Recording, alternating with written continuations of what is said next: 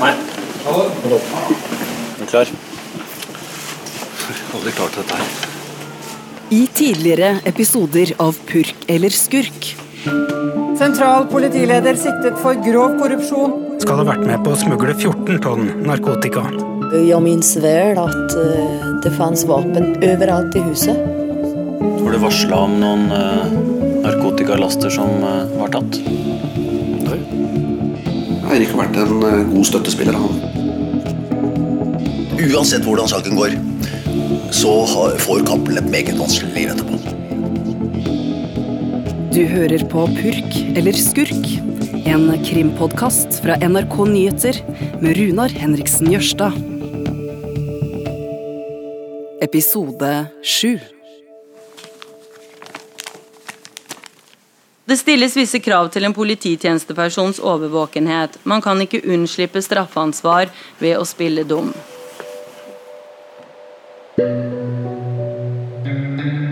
Fire og en halv måned i retten er over. Årets største og mest omtalte rettssak er ferdig. Det er på tide å oppsummere. Derfor er purk eller skurk tilbake. Jensens forklaring ja, det er noe av det mest utrolige og lite sannsynlige og mest tilpassede versjon som er fremkommet under hovedforhandlingen. At rettssaken nå er over, betyr to ting. For det første, vi vet hvilke bevis Spesialenheten for politisaker mener de har for å få dømt Eirik Jensen til fengsel i mange år. For det andre, folk som ikke har villet snakke med meg, er nå villig til å møtes. I alle fall noen av dem. I denne episoden skal vi innom begge de to punktene. Vi skal snakke om bevis, eller mangel på sådan, og møte vitner. Men først må vi høre litt mer av det som ble sagt på rettssakens tredje siste dag, fredag 19. mai. Aktor for Spesialenheten, Kristine Schilling, fyrte løs mot Eirik Jensen. Hvis Eirik Jensen har hatt et slikt omfang av kontakt med en kilde fra våren 2010 til ut 2013 uten at det har bidratt til mer enn én konkret sak, og uten at noen kan bekrefte at informasjonen har vært nevneverdig nyttig, ja, da har ikke Eirik Jensen vært verdt sin lønn. Kristine Schilling sin jobb denne fredagen var å overbevise retten om at Eirik Jensen er en korrupt politimann. Og en mann med dårlig moral. Jeg vil også i den anledning fremheve meldingen fra Eirik Jensen til Cappelen lørdag 23. juli. Det er ikke til å forstå, og det er hoderystende, at Eirik Jensen i det hele tatt kan prioritere kontakt med Cappelen denne dagen. Oslo står på hodet, og alle i politiet har kun ett fokus, og det er å skaffe opplysninger om hvorvidt Behring Breivik opererte alene, eller om det var grunn til flere angrep. I prosedyren tok aktoratet seg god tid til å bygge opp Gjermund Cappelen. Som en profesjonell narkotikasmugler og leder av en velsmurt organisasjon. De mener han er troverdig. Eirik Jensen derimot ble fremstilt som en løgner. En som ikke husker, som har endret forklaring. En politimann som ikke gjorde jobben sin, men som heller ble et redskap for en storkriminell hasjsmugler. Informantsamarbeidet utviklet seg til et samarbeid om Cappelens virksomhet. Og for det samarbeidet så ble informantforholdet nærmest en coverhistorie. Selv om det ikke var overraskende, var det intenst å sitte i rettssalen og høre på. Aktor sabler ned Jensen, skrev VG mens prosedyren pågikk. Men Eirik Jensen fikk ikke med seg alt som ble sagt. Første del av dagen satt han med høretelefoner. Jeg tenkte han hørte på musikk fordi han ikke orka å høre på aktor. Men samtidig virka det som han fikk med seg mye av det som ble sagt, siden han innimellom kikka opp og rista på hodet. Derfor sendte jeg han en SMS. Hva hører du på? spurte jeg. Han svarte, men jeg ble ikke så klok av svaret. Derfor spurte jeg forsvarer Jon Christian Elden i neste pause. Nei, Det var viktig å gå litt tilbake og høre på hva som er sagt på en av podkastene tidligere, for å vurdere det opp mot eh, noe aktor sa i prosedyren sin. Hva da? Nei, Det tror jeg kommer tilbake til i vår prosedyre. Han hører på purk eller skurk mens eh, aktor eh, holder på? Ja, I dette tilfellet der, for det var noe han mente han hadde hørt før som ikke stemte med det som ble sagt, og så var det da går man tilbake og sjekket. Da er retten satt på ny, og vi fortsetter. Vær så god. Takk. Jeg har kommet til eh, punkt 4. Samtidig som Jensen hørte på podkast, gikk Spesialenheten nøye gjennom de viktigste bevisene de mener skal felle den nå pensjonerte politimannen. Nummer én. Hvordan Eirik Jensen må ha visst hva Gjermund Cappelen drev med, altså smugling av hasj. Nummer to kontakten mellom Cappelen og Jensen. Alle SMS-ene som vi har snakka om før her i Purkeleskurk, skurk, pluss møtene mellom de to og alle telefonsamtalene. Og så nummer tre pengene. Det Spesialenheten mener er et overforbruk på 1,67 millioner kroner. Penger som ikke kan forklares med verken motorsykkelsalg, dykkeroppdrag eller penger fra foreldrene til Jensen. Schilling viste til oppussingen av badet, som de mener Cappelen betalte for, og til den dyre klokka de mener Jensen fikk av Cappelen.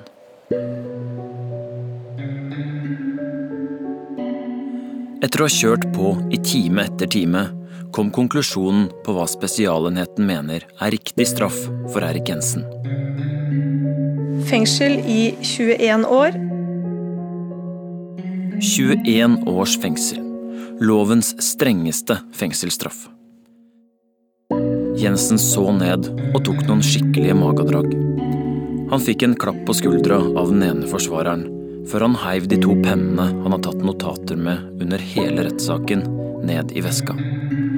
Forsvarer Eldens første reaksjon var at aktors prosedyre vitna om synsing, tolking og meninger.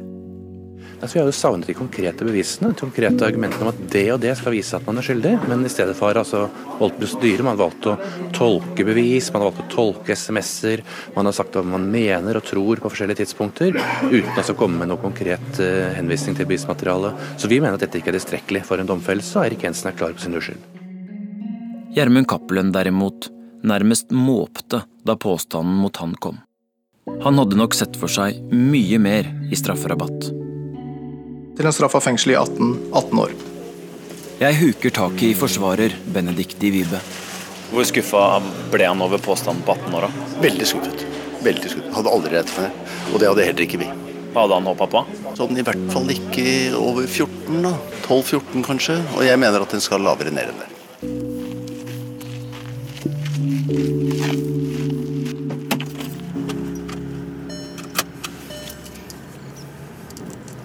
Jeg vet ikke hvor mye du som hører på har fått med deg av de siste ukene i retten.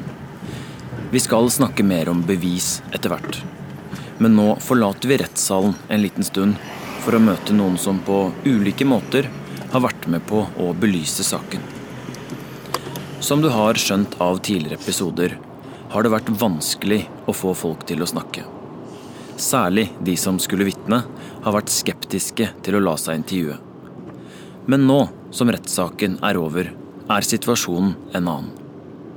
Tre personer med hver sine ganske oppsiktsvekkende historier er nå villige til å fortelle om det. Og Han vi skal møte nå, han er egentlig innmari skeptisk på å møte oss. Han har ikke gitt noen intervjuer eh, til noen andre, og han lever et helt normalt liv noe han har lyst til å fortsette med. Han er ikke kriminell. Men en gang på 90-tallet så fikk han vite noe som nesten ingen andre visste. Det er i hvert fall det han sjøl hevder, da. Ja, og det han fikk vite, sier han, var så heftig at han kutta kontakten med den gamle barndomskompisen sin, Gjermund Cappelen. Forsvarerne til Eirik Jensen har forsøkt å male et bilde av Gjermund Cappelen som en mann helt uten troverdighet. Er du en lystløgner? spurte Jon Christian Elden tidlig i saken. Flere har pekt på at Cappelen har vært så kynisk at han ikke har hatt noen problemer med å lyve i år etter år. Han sa jo det da jeg intervjua han også, at han har løyet for folk hele livet. Hvorfor skulle han da ha problemer med å lyve om hva Erik Jensen har gjort? Kan Cappelen ha vært så desperat eller utspekulert etter han ble tatt av politiet, at han fant opp hele historien om Jensen? Fordi han var redd for å bli avslørt som tyster, og derfor dro inn en politimann han hadde kjent i 20 år? Ikke vet jeg. Men i rettssaken dukka det plutselig opp flere vitner som tegna et helt annet bilde av Gjermund Cappelen. Han vi skal møte nå, er en av dem. Avtalen er at vi ikke skal bruke navnet hans, eller si for mye som kan være med på å identifisere han. Han har også bedt oss endre litt på stemmen hans, så folk ikke kjenner han igjen. Først så trodde jeg jo ikke på det. Det aller første var liksom vantro, for å bruke det uttrykket. Mannen på den andre siden av bordet rører smånervøst med skjea i kaffekoppen. Han sier han synes det er ubehagelig å snakke om det han skal fortelle om. Det har gått noen uker siden han satt i vitneboksen i rettssaken der kompisen hans fra ungdomstida er tiltalt for å ha smugla tonnevis med hasj. Det er over 30 år siden de to ble kjent. Lenge før Gjermund Thorud skifta navn til Cappelen. Sjarmerende. Han var øh, godt likt, ble godt likt. Morsom, festa mye. Vi festa bra sammen. Ikke sånn nærmeste venner, men gode venner. Vi hadde liksom en sånn felles tone. Felles god tone. De to sklei fra hverandre. Endte opp med å leve totalt forskjellige liv. Før de helt tilfeldig møttes igjen. Plutselig møtte jeg ham på en Raga Rockers-konsert på midten av 90-tallet. Jeg, jeg, husker jo ikke det. 5, 6, 97 eller noe sånt. Møttes vi, og da var han i veldig god form.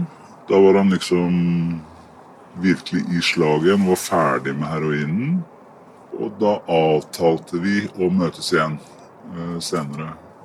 Uh, det gjorde vi. Ved en del anledninger hvor vi da gikk ut og spiste. Tre eller fire restaurantbesøk. Og det må ha vært i 98, 99, 2000, 2001. Og det var altså under bedre middager at Gjermund Cappelen fortalte sin store hemmelighet, ifølge denne mannen. Hva er det han sa han drev med, da? Nei, Det har jo alltid vært uh, biler, da. Eller det var jo der det begynte med, at han solgte biler, da. Ante meg at det kanskje var noe mer enn det. Og så pusha jeg han litt, da. Uh, jeg trodde liksom ikke på. Og så måtte han smile, og så måtte han le, og så jo, nei. Og så, jo, så sa han jo det som det var, da. At han Han dreiv med, med hasj, da. Egentlig skjønte jo det, jeg ante meg det. Så visste jeg jo at han hadde vært i politiets søkelys flere ganger etter at han hadde sittet inne, og øh, øh, så sa jeg til ham at du må jo bli tatt. Akkurat det var det jeg sa til ham. Og da sa han at jeg kan ikke bli tatt. Så fikk han jo da en, et behov for å forklare seg, da, ikke sant. At uh, han, måtte jo ha blitt tatt, ikke sant. Hvis han ikke Hvordan Han sittet inne i flere år, tatt av politiet mange ganger. Importerer sånn type hasj som han gjorde. Så blir man tatt. Uh, han kan ikke bli tatt. Og så forteller han da nei, om at han har en Ja, har da en venn i politiet. Brukte da tittelen hans, hva han da var, sjef i narkotikapolitiet, eller hva det var han var. Og kalte ham Eirik. Gang på gang. Og denne Eirik var grunnen til at han ikke kunne bli tatt? Ja. Han fikk vite alt. Han fikk vite når det var kontroller. Det var sånn han ordla seg. Men hva fikk han informasjon om da, vet du det?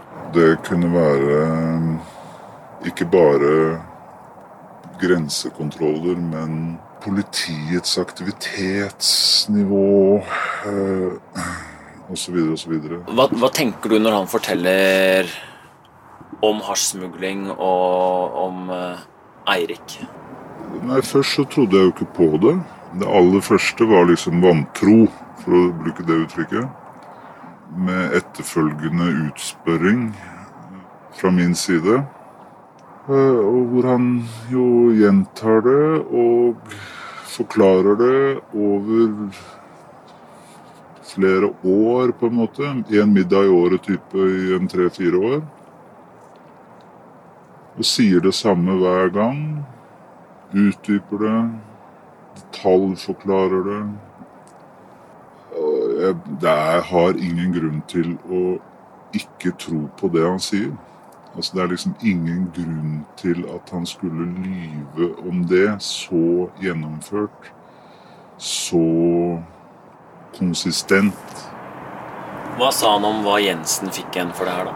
Jeg spurte om han fikk penger eller betalte penger, men det kan jeg ikke huske eh, konkret hva han svarte på. Eh, det var ikke noe sånn spesifikke summer som ble nevnt i det hele tatt. Jeg, det var det ikke. Jeg kan ikke huske det. Han kalte ham en kul snut. Da ungdomskameraten fortalte om dette i vitneboksen, tok Cappelen selv ordet etter en stund og sa Jeg beklager egentlig at du har fått vite alle disse tingene. Sorry for det. Men hvilke tanker har du gjort deg rundt hvorfor Gjermund Cappelen fortalte det her til deg? Nei, du, det er et godt spørsmål.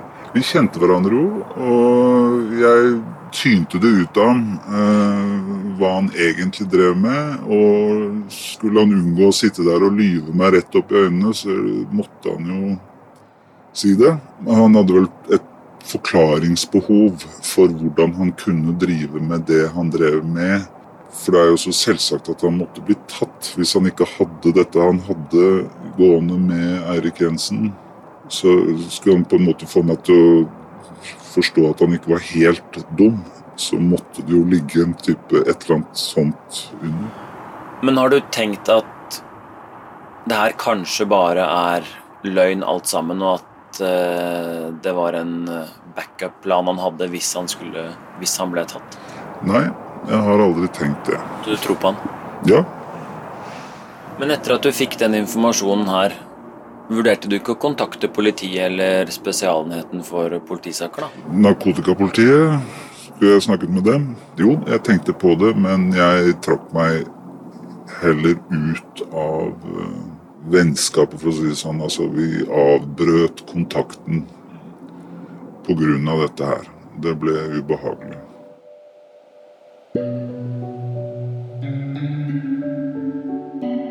Ifølge Gjermund Cappelen fortalte han ni personer at han samarbeidet med politimannen Erik Jensen om å smugle hasj til Norge. Barndomskameraten var en av dem, i tillegg til nære familiemedlemmer og noen få andre, ifølge Cappelen. Aktor påpekte dette i prosedyren, at historien om samarbeidet med Jensen ikke bare var noe Cappelen fant på etter han ble tatt. Men kan det ha vært en del av Cappelens langtidsplan? At han var redd for å bli blåst som informant, og derfor måtte ha en coverhistorie? Samtidig, det er jo litt rart at han fortalte folk at han samarbeida med en politimann. Da risikerte han jo at noen varsla nettopp politiet. Det her er det jammen ikke lett å bli klok på.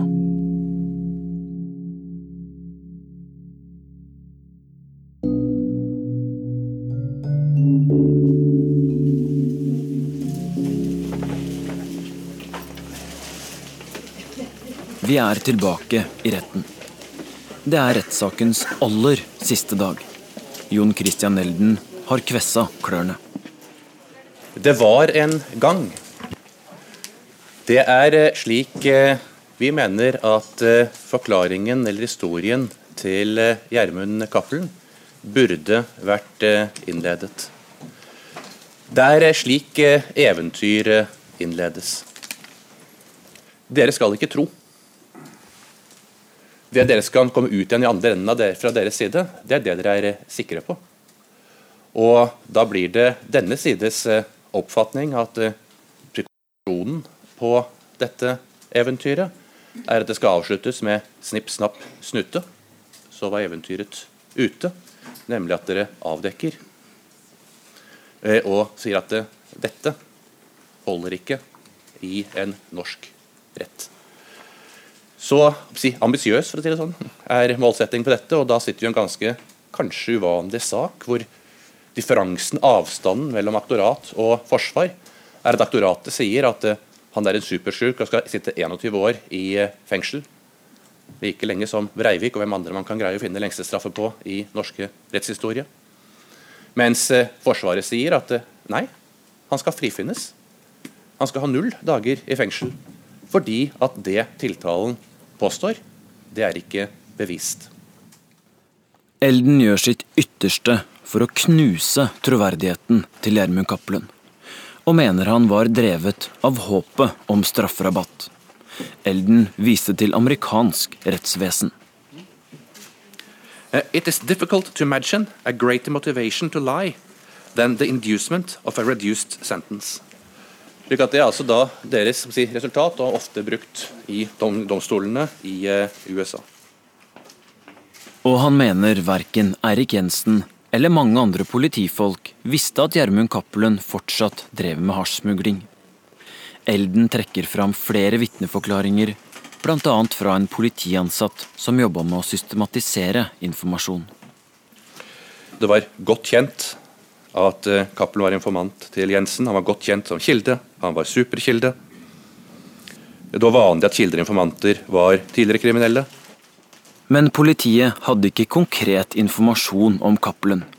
Det svermet bare noen rykter, hevder Elden. Og hva det er politiet sitter med, der man for får masse informasjon. Jensen får masse informasjon. Alle vet hvem han får det fra. Ingen på at han får det fra det, altså at det er en slik eh, kontakt.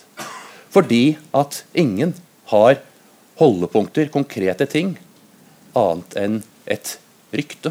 Og Det mister man vel aldri, selv om man skulle ha dømt da i 1993 en gang for narkotikavirksomhet. Hvorfor er det så viktig om Eirik Jensen visste eller ikke visste at Gjermund Cappelen drev med smugling av hasj? Spesialenheten for politisaker mener grunnen til at forsvarerne til Jensen kjører så hardt på at Jensen ikke visste, er fordi det er en nødvendig forutsetning for at Jensen skal kunne frikjennes. For dersom Jensen visste, kommer han ikke unna en domfellelse for medvirkning, sa aktor. Spesialenheten sier det er flere ting de tolker dit hen at Erik Jensen må ha visst. Et av eksemplene som ble trukket frem i retten, var en etterforskning fra Asker og Bærum i år 2000, som endte med at Gjermund Cappelen nok en gang glapp unna for politiet. Var det pga. Jensen? En tidligere politimann kan kanskje hjelpe oss å svare på det. Snakke med en som har jakta på Gjermund Cappelen i årevis. En som heter Rolf Meyer, som var etter hvert politisjef i Asker og Bærum politidistrikt. Og han har prøvd å ta Cappelen gang etter gang etter gang, men ikke klart det. Hva skal du spørre han om? Jeg skal spørre han om hvorfor de ikke klarte å ta Gjermund Cappelen. Om hva han tenkte da Erik Jensen plutselig dukka opp under et spaningsoppdrag de hadde på Cappelen. Martin og jeg er på vei for å møte Rolf Meyer. Også han er ferdig med å vitne når vi skal treffe han. Derfor er det greit for han å snakke. Og han kommer til å snakke helt åpent, eller tror du han som veldig mange andre holder ting litt sånn for seg sjæl? Fordelen med denne karen her er at han er pensjonert. Han gikk av med pensjon for to år siden.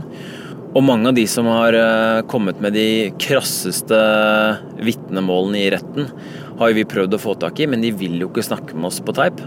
Men Rolf Meier, pensjonist, ville gjerne møtes. Nå skal vi møte han på gamle kroa i Lierbakken. Han bor nedi her. Lierkroa, ja. God dag, god dag. Hei. Rune Rørstad. Hei. Rolf Meier sitt gamle dekknavn var Krølle. Nå er krøllene borte, men det grå håret er fortsatt tjukt. Han er fast i labben. Da jeg hilste på han, knasa det i hånda mi. Før han gikk av, hadde han jobba som politi i nesten 40 år. Flere ganger var han i hæla på Cappelen. Når var første gang du fikk vite om eller høre om Gjermund Cappelen, eller Gjermund Torud, som han da het? Ja, Vi skal tidlig, tidlig på 90-tallet. Nei, Vi hadde jo flere uavhengige kilder på han som, som fortalte at han drev med omfattende innførsel fra både Tyskland og Nederland i vesentlig grad med, med hasj. Dere klarte ikke å ta ham? Vi gjorde ikke det. Ehm, Det ehm, skjedde bestandig et eller annet som gjorde at han ehm, holdt opp. Meyer sier Gjermund Thorud, som Cappelen het den gang, var kjent som en av storfiskene i området. Alle nyansatte på narkotikaseksjonen i Asker og Bærum ble ifølge Meyer tatt med på guida tur forbi huset til Cappelen. Beskjeden fra de erfarne politifolka var at her bor et av hovedobjektene våre. Men de klarte altså ikke å ta han. Han trakk ut proppen, og det ble stille og tyst og rolig og passivisert eh, når vi hadde holdt på en stund. Og det er begrensa hvor lenge vi kan kjøre 24 timer eh, på et objekt som ikke skjer noen ting rundt. Altså. Det er det. Så det ramla sånn sammen av en eller annen merkelig årsak. Pussig. Et av de viktigste punktene i bevisførselen til Spesialenheten er kontakten mellom Jensen og Cappelen. Eirik Jensen hadde en vaktrolle, sa Spesialenheten flere ganger i prosedyren. Jensen har hele veien sagt at meldingene, som de om Stille og Sol og den om Kontroll her, er kodespråk mellom de to. At det handla om å utveksle informasjon, siden Cappelen var informanten hans. Men hva slags kontakt var det egentlig? En hendelse som skjedde for 17 år siden, viser hva slags kontakt de to faktisk hadde, ifølge aktor. Rolf Meyer forteller. Vi fikk opplysninger på våren fra en eh, person som eh, han var en eh, ganske betydelig person i forhold til narkotikaomsetnings- og innførselsledd i Norge. Han forklarte om Cappelen.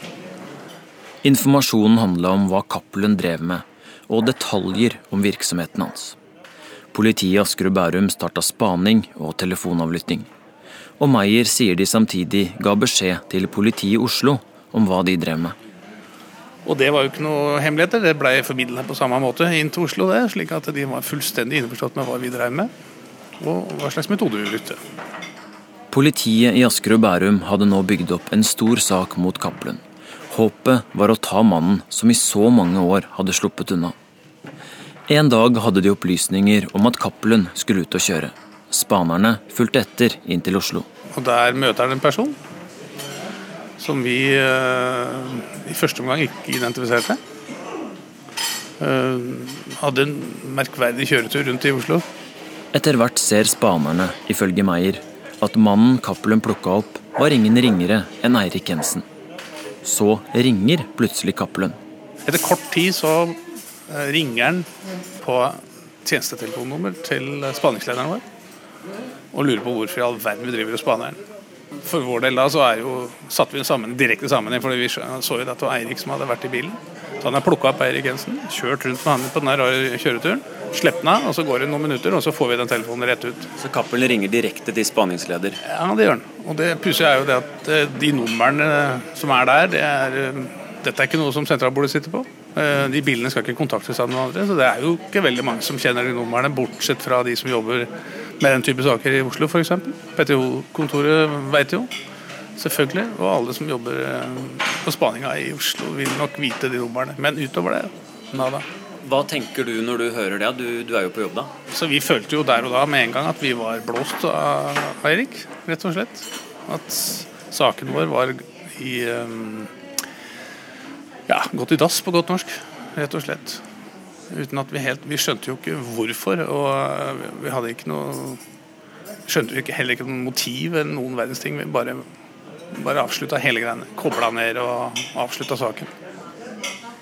Det fins vel ikke noe som er verre å oppleve, tror jeg, som politimann. At du føler at en kollega av deg har ødelagt Ikke bare ødelagt saken, men det er jo ikke bare uryddighet her. Her er det helt andre begreper som kommer inn.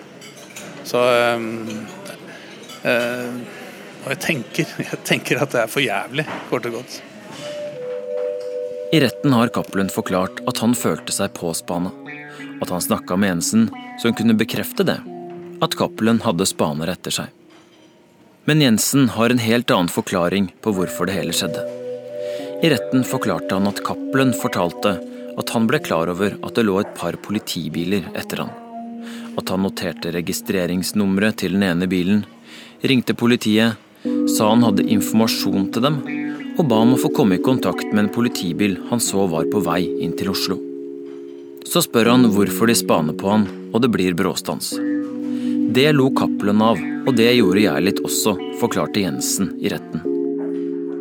Forsvarer Elden avviste påstandene om at Jensen blåste saken til kollegaene i Asker og Bærum. Det som har slått meg rundt denne 2000-problematikken og påstanden hvor denne vandrehistorien i Asker og Bærum eh, startet, det er jo at eh, det er nokså meningsløs hvis det skulle være noe hold i den, i den forstand at hvis vi har følgende tese eh, Jensen, som har involvert på en eller annen måte med narkotikatrafikk sammen med Cappelen, får vite om at Cappelen er under en form for spaning og observasjon. Deretter så går han og besøker Cappelen under denne spaningen og observasjonen for å fortelle han at nå blir vi spanet på her vi møtes, nå går jeg ut av bilen igjen og så går jeg, går jeg vekk. Det er ikke spesielt logisk det heller, for å si det sånn, i en slik situasjon. Under rettssaken har det flere ganger kommet tydelig frem at forholdet mellom Asker og Bærum politidistrikt og Oslo politidistrikt ikke alltid har vært det beste. Kan det være sånn at arbeidskonflikter, sjalusi og dårlig kommunikasjon ligger bak her? Meyer mener ikke det. Men Erik Jensen sier jo at han aldri har visst at Gjermund Cappelen holdt på med smugling av hasj. Det er komplett umulig. Som alle andre. Han har tilgang på den informasjonen som vi har sendt inn. Og ikke bare vi, det er jo andre politidistrikter, både i Østfold og Vestfold, som har hatt kilder og informanter på, på Cappelen den tida. Alle visste. Jo, vi møtte jo kollegaer i Oslo som sier at må du se få gjort noe med han Toru. Se på tatten. Og ja da, det skal vi forsøke, vet du. Men det fantes jo ikke noe lukka informasjonssystem på det. Så enhver som jobba med narkotikarelaterte saker, og ikke minst som drev med informantbehandling, de visste at Gjermund Torjø var stor på innførsel av oss i 90-åra. Og langt ut i 2000. Rolf Meyer sier han meldte fra til sin sjef i Asker og Bærum om hendelsen der han mener Jensen blåste dem, men at han aldri hørte noe mer om det. Ingen av lederne i Oslo politidistrikt som har vitna i retten, sa de hadde hørt noe om denne saken. Jensen sier Cappelen ikke har lagt skjul på at han drev med hasjsmugling tidligere, men at han trodde Cappelen hadde slutta med dette og funnet andre måter å tjene penger på. Og at han aldri fikk informasjon fra andre i politiet om at Cappelen fortsatt holdt på med smugling, eller at han ble spana på.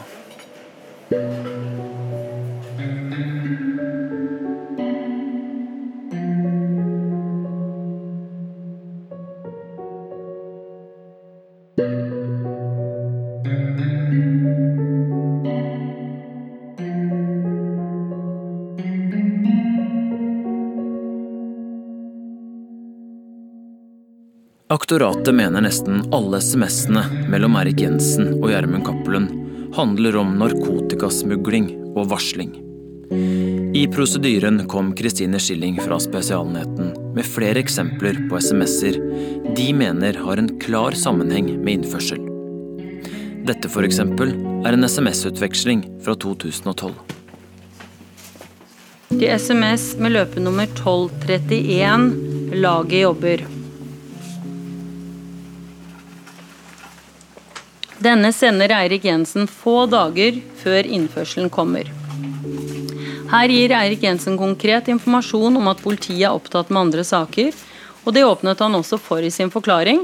Han sa at laget kan være meg eller politiet. Vi ser igjen et konkret eksempel på en handling som rammes direkte av gjerningsbeskrivelsen i tiltalen. Andre eksempler er når Cappelen planlegger en innførsel og Jensen skriver om 'fine forhold i skogen'. Dette betyr at Cappelen ikke trenger å tenke på aksjoner eller beslag, hevder aktor.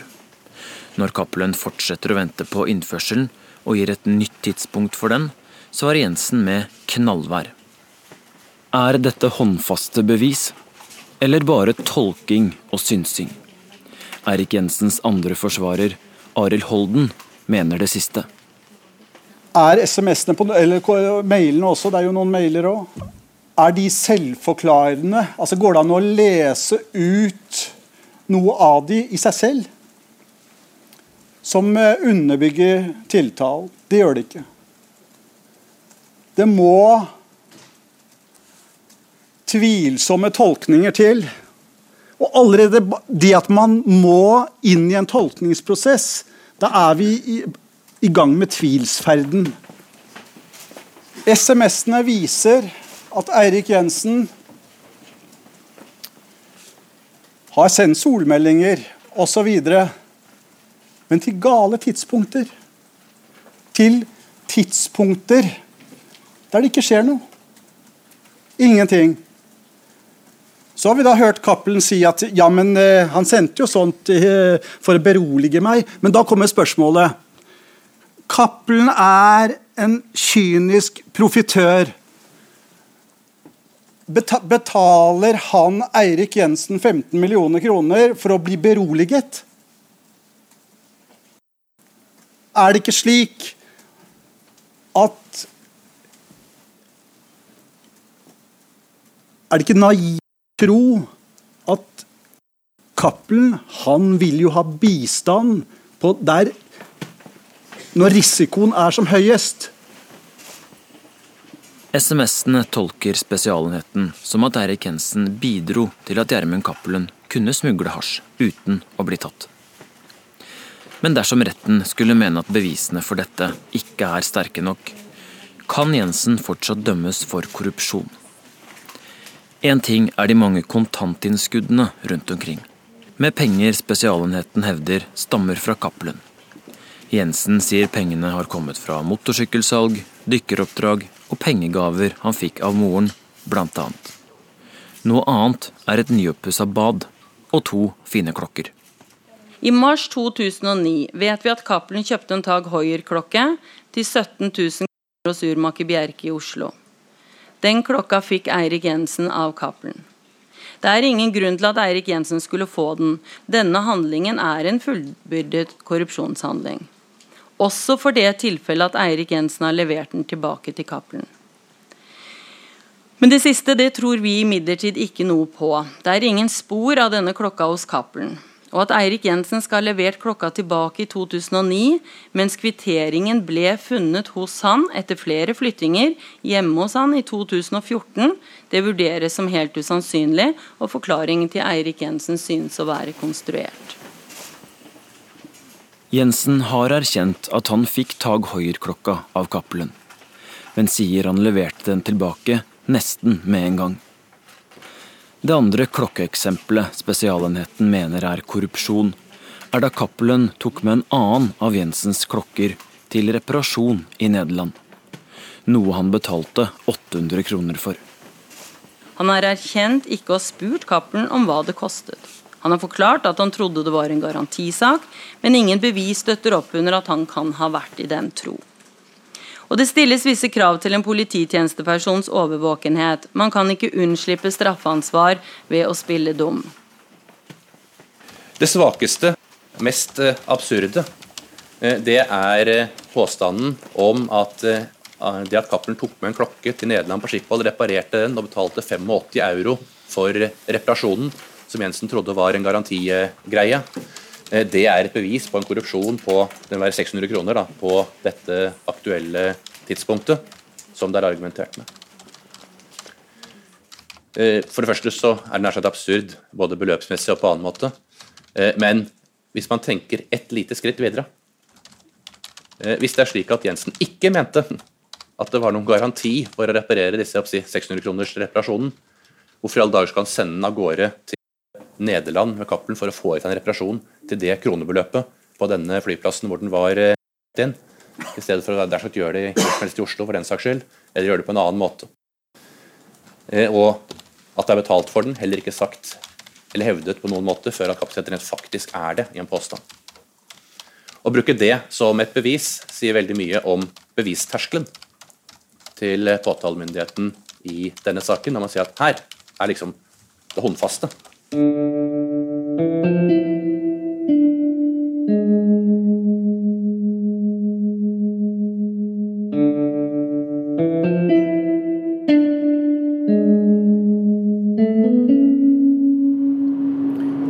møte ham på bensinstasjonen, skulle vi ikke det?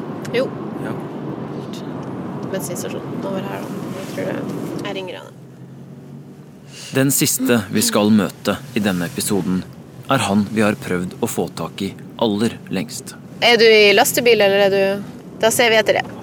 Først nå sier han det er greit med et intervju, så lenge vi ikke bruker navnet hans. Jensen har skrevet om han i boka si, under pseudonym, og jeg vet at han har vært med på litt av hvert. Det er en ganske spesiell historie. De to er barndomsvenner fra Nesodden. Erik Jensen ble politi. Han her ble kriminell. Hei, hei. Hei. hei. Runar, svær bil. Ja, arbeidsbilen min. Ja.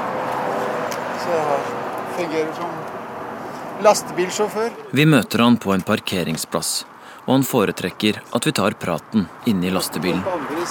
Ja. Klatrer inn. Den nærmeste kompisen. Eirik og jeg vi var bestevenner, og det er vel ingen andre jeg har hatt så tett vennskap til som jeg hadde med han. Hva var det med han, da? Vi hadde felles interesse. Vi dykket sammen. Vi var Nesodden dykkerklubb. Jeg var formann der i sin tid, og han satt i styret. Vi var ute og drakk sammen. og Første gang han var full, jeg var full, og var vi sammen. og liksom sånn. Ja, alt som var. Vi bare som du fant tonen og felles interesser og, og det hele.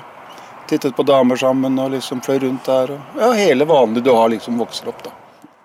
Eirik Jensen var forlover i bryllupet til mannen som sitter i førersetet. En svær mann, minst 1,90 høy, breiskuldra og med kraftige arbeidsnever. Det er bare noen måneder siden han ble løslatt for en dom på 14 års fengsel i Sverige i en stor hasjsmuglingssak. For noen uker siden vitna han og så igjen sin gamle kamerat, politimannen. Jeg syns det er tragisk for Eirik sin del, hans ettermæle. Jeg tror ikke at Eirik er skyldig i korrupsjon. Det er vel sagt ganske mange ganger. og Slik jeg kjenner han, og de samtalene vi har hatt gjennom tiden, så stemmer ikke det i det hele tatt. Eirik er uortodoks som politimann, ja. Gjør ting som kanskje ikke andre politifolk er enig i. Kanskje ikke alt som er som det burde ha vært. Jeg personlig mener at politiet har en ukultur gjelder informantbehandling. Hvis du er informant eller tyster eller kall det hva du vil, så vil du få masse fordeler. Eh, Får tilbake førerkort, slipper ut. eh, Politiet ser vel en annen vei enn hva du driver med. For den informasjonen du gir er så viktig at du slipper unna med, med alt mulig rart. Og det mener jeg er feil. Men det er ikke Eirik sin ene og alene virke. Det gjelder jo alle som driver med den typen der. Da burde jo den rettssalen være om 10-15 politifolk burde jo stå tiltalebenken hvis det er det de skal tiltale ham for. Men syns du ikke det er rart at Eirik Jensen med så gode kilder rundt omkring ikke sier han ikke visste hva Gjermund Cappelen drev med? Eirik eh, ville vel ikke vite hva han drev med. Sånn som politifolk gjør som har informanter, de ser en annen vei. Så de vet ikke fordi ikke de vil. Dette stemmer overens med ting jeg har hørt fra enkelte politifolk også. At når du driver med informantvirksomhet, må du kanskje se en annen vei innimellom. Det blir ikke så mye informasjon hvis informanten din bare sitter i fengsel. Men samtidig påpeker de at hvis de tar informanten i å gjøre noe kriminelt, da er du nødt til å ta han. Mannen i lastebilen mener Erik Jensen kanskje har tøyd strikken litt som politimann, men at han ikke er korrupt. Barndomskompisen sier han faktisk selv prøvde å få Erik Jensen med på leken da han holdt på med spritsmugling. Jeg spurte han et tilfelle Jeg følte vel det at på alkoholsmugling det var snakk om. Så Du trenger jo i mine øyne en toller og en politimann for å drive safe. En politimann kan ikke gjøre jobben med smugling over grenser. Og Jeg vil påstå at jeg har vel litt mer greie på det enn veldig mange andre. Og Det du trenger der, er jo rett og slett en toller for å ta ting over grensen. For tollvesenet de jobber jo etter fastsatte rutiner. De har skjemaer som står sted og dato, klokkeslett hvor de skal ha kontroller enn Dette vet jeg. Og Da trenger du en toller som kan informere deg om hva de skal gjøre. Eventuelt hvis du har en toller som sitter høyt oppe i systemet, som kan ta en tollkontroll på konteineren din. Du kan betale han for det. Så stempler han papirene OK, klarert, tollen. Du kan ta ut hva du vil. Så får du han betalt. Det er kun en toller du kan bruke til det. En politimann, sånn som Eirik, hvor det jeg tenkte var at tips meg hvis det begynner å bli varmt rundt meg.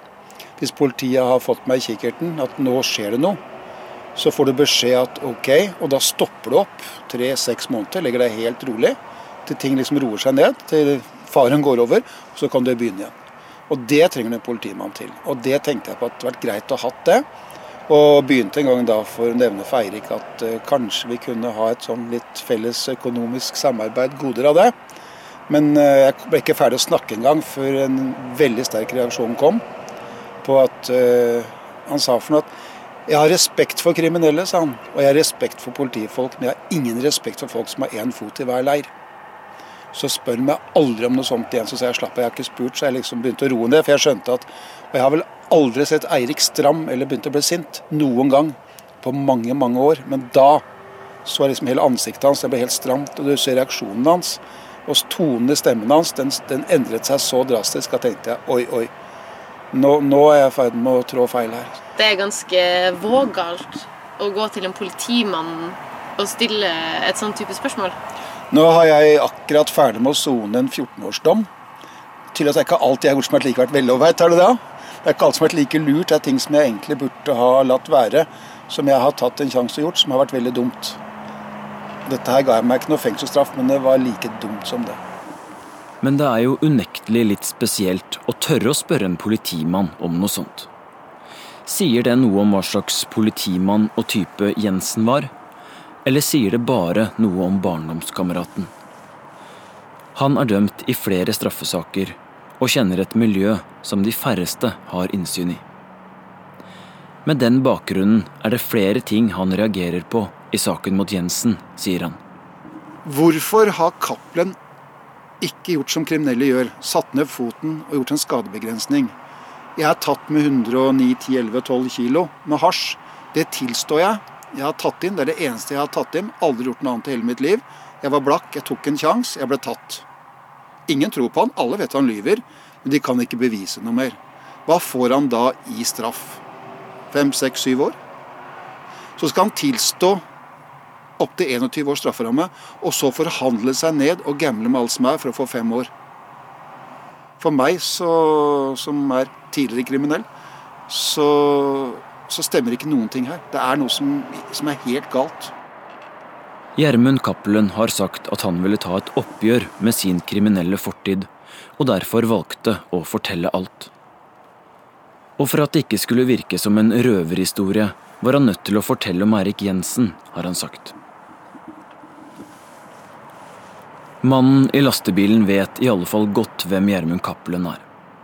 Da barndomskameraten til Jensen jobba som dørvakt på smuget på 90-tallet, tok han på seg noen torpedooppdrag på si. To av dem for nettopp Gjermund Cappelen. Og Da sto jeg i døren der, så kommer han inn. Det husker jeg veldig godt, for Han kom inn døren sånn, så gikk han bort til meg, så så han på meg, og så presenterte han seg. Så spurte han om jeg var sånn og sånn. Ja, sa jeg. Og så han kom med en blå olabukser, en blå jakke og noe av samme klesstil som han har fakta den dag i dag, i retten og sånn. Samme typen. Han var litt tynnere bare. Og så vil gjerne snakke litt med meg, da. Det jeg greit nok. Han har fått anbefalt meg å ha en jobb og sånn og sånn. Og så fortalte han hva det gjaldt, om jeg ville til å ta den. Ja, så det var interessant. Og skulle få 20 000 kroner hver av oss. Skattefritt? Selvfølgelig. Hva slags dumt spørsmål er det? Alt sånt er skattefritt. Det er liksom All kriminell aktivitet er Du vet om grå, hvite og sorte penger, ikke sant? Mm. Dette er verken hvite eller grå. Ifølge han hadde Cappelens samboer blitt trua av en ekskjæreste. Han hadde møtt henne slik jeg fikk forklart ved Cappelen, på kvelden. Truet henne med kniv. Og jeg tok med en jeg kjente og møtte opp hos ham på kvelden. Og ja, Han sluttet med å plage henne, og han har ikke plaget noen annen så vidt jeg vet siden det. Det skjønner jeg godt. Jeg har snakka med han som fikk besøk på døra. Han sier han ble banka opp av to stykker med balltre i en halvtime og ikke klarte å gå på to uker. Dessuten sier han det bare var tull at han hadde trua noen. Han sier bakgrunnen var en uoverensstemmelse med Cappelen, og at han senere fikk vite at de to som hadde banka han, kom fra Nesodden. Hvem som snakker sant, og hva som var årsaken til dette kveldsbesøket, vet ikke jeg. Men det sier litt om han som sitter ved siden av oss inne i lastebilen. Men du er bestekompisen til Erik Eirik Jensen, og så plutselig kommer Cappelen og ber om en tjeneste. Hvordan skjedde det? Eh, Cappelen kom til meg og sa det at han hadde fått anbefalt meg eller fått telefonnummeret mitt. Anbefalt av hvem da? Han sa aldri rett ut at jeg har fått beskjed av Eirik å kontakte. Det sa han aldri, men eh, Ok, du må unnskylde meg for at vi nå befinner oss litt på sida av tiltalen mot Eirik Jensen og Gjermund Cappelen, men dette er interessant. Har virkelig daværende politimann Eirik Jensen gitt Gjermund Cappelen nummeret til en kompis og anbefalt han da Cappelen trengte en torpedo? I retten sa Cappelen at Jensen hadde en venn som kunne hjelpe. At Jensen beskrev han som en potent kar som kunne slå til. En som kan gjøre ting som ikke er helt lov. Dette er bare tull, sier Erik Jensen. Han sier barndomskompisen og Cappelen møttes utenfor byen uten hans involvering. Og at han ikke visste noe om at Cappelen var på utkikk etter en torpedo. Nok en gang er det ord mot ord. To fullstendig ulike versjoner.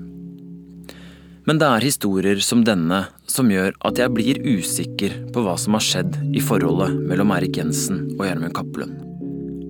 Eirik Jensen ble i 2008 etterforska av Spesialenheten for relasjonen han hadde til den straffedømte barndomskameraten. Saken ble henlagt. Er det sånn at Eirik Jensen har vært så utradisjonell eller uproff at han syntes det var innafor å være så tett på kriminelle? Eller visste han ikke at de han hang med, var på den andre sida av loven? Og hvor gikk i så fall grensa til Jensen? Ved lovlydig, småkriminell eller storsmugler? Eirik sa til meg en gang at hvis du driver med narkotika eller det, sa han. Så fikk jeg veldig klar beskjed at hvis jeg gjorde det, så var vårt vennskap slutt. Det sa han til meg. Høsten 2007 ble barndomskameraten til Eirik Jensen pågrepet og senere dømt som bakmann for smugling av over 400 kilo hasj. Selv om han påstår at han aldri har gjort det han er dømt for, at politiet misforsto hele saken, sier han at han ikke har truffet Eirik Jensen siden dette.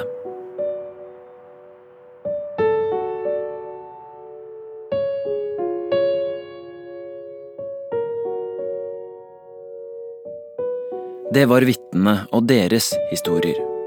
Men spørsmålet er jo om bevisene er sterke nok til å dømme Erik Jensen til 21 års fengsel, slik aktor Guro Glærum Kleppe mener.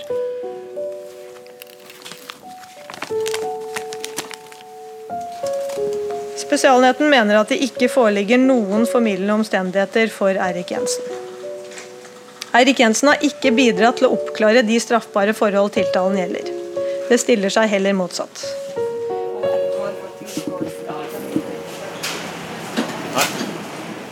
Jon Christian Elden, hvorfor mener dere Erik Jensen eh, skal frifinnes?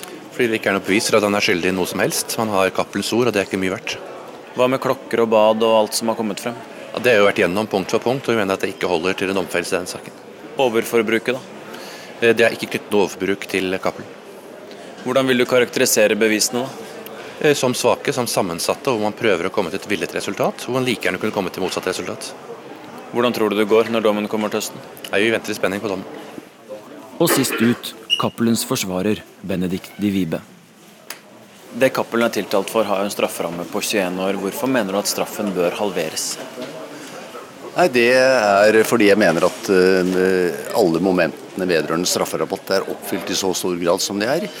Og at uh, denne saken er så alvorlig og i en så alvorlig sak hvor det er så vanskelig uh, for å få folk til å fortelle noe, så er man nødt til å, honorere det på en skikkelig måte. Så Cappelen hadde en nobel hensikt? Nei, Jeg har ikke sagt at han har en nobel hensikt. Jeg har sagt at han, som jeg sa i prosedyren, antagelig har hatt ulike grunner på ulike stadier for å forklare seg som han gjorde. Men eh, det viktigste er spørsmålet om historien hans er sann. Det er jo det retten skal ta standpunkt til. Helt på tampen av denne episoden må jeg høre med kollega, krimkommentator Olav Rønneberg, om han tror bevisene er sterke nok til å dømme Erik Jensen. Olav Rønneberg, eh, hva mener du har vært de viktigste bevisene i denne saken? De viktigste bevisene mener jeg fortsatt er disse tekstmeldingene, 1500 i tallet, som partene har en helt forskjellig oppfatning av hvordan skal tolkes. Påtalemyndigheten mener at disse har et dypt mistenkelig innhold, at de er et bevis på et kriminelt samarbeid. Mens Jensen og hans forsvarere sier jo at dette er sjargong, at det er bevis på et nært kildeforhold mellom Jensen og Cappelen, men at de ikke beviser noen ting kriminelt. Og disse tekstmeldingene er også sentrale når retten skal ta denne saken opp til doms. Men er de nok til å dømme Jensen? Det er jo det store spørsmålet. Det er jo det retten må vurdere. Er det hevet over enhver rimelig tvil at disse tekstmeldingene beviser et kriminelt eh, samarbeid? Hvis ikke så må jo han jo frifinnes. Så må jo retten da etter hvert, hvis de finner det bevist, så må de se på eh, bevis som dette baderommet, som eh, kontantinnskudd med mere, og se om det er bevist at det er penger som kommer fra Cappelen. Men de kan jo dømme han for det ene og frikjenne han for det andre. Hvordan fungerer det?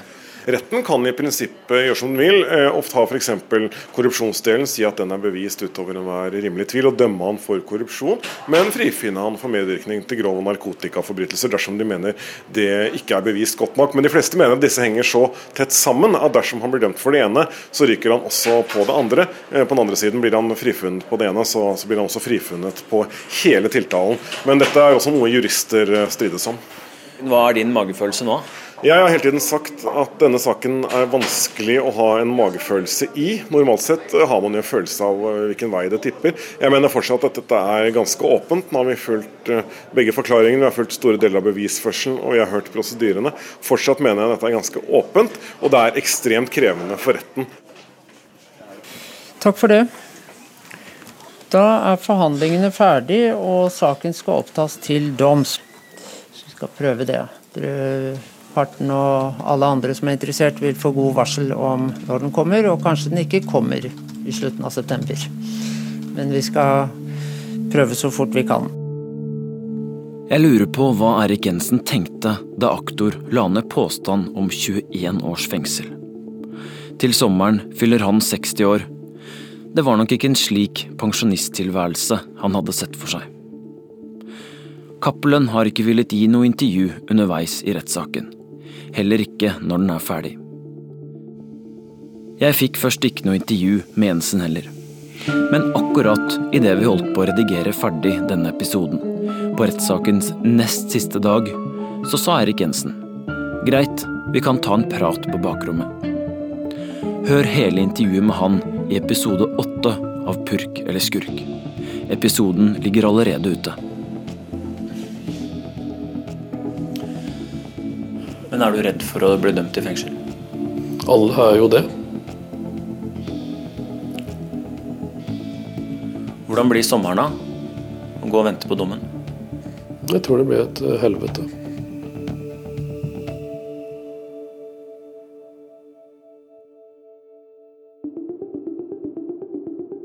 Vi som lager Purk eller Skurk, heter Runar Henriksen Jørstad, Lillian Grønning, Martin Giæver og Irina Kjelle. Musikken den er av Jane Kelly og Sindre Hotvedt.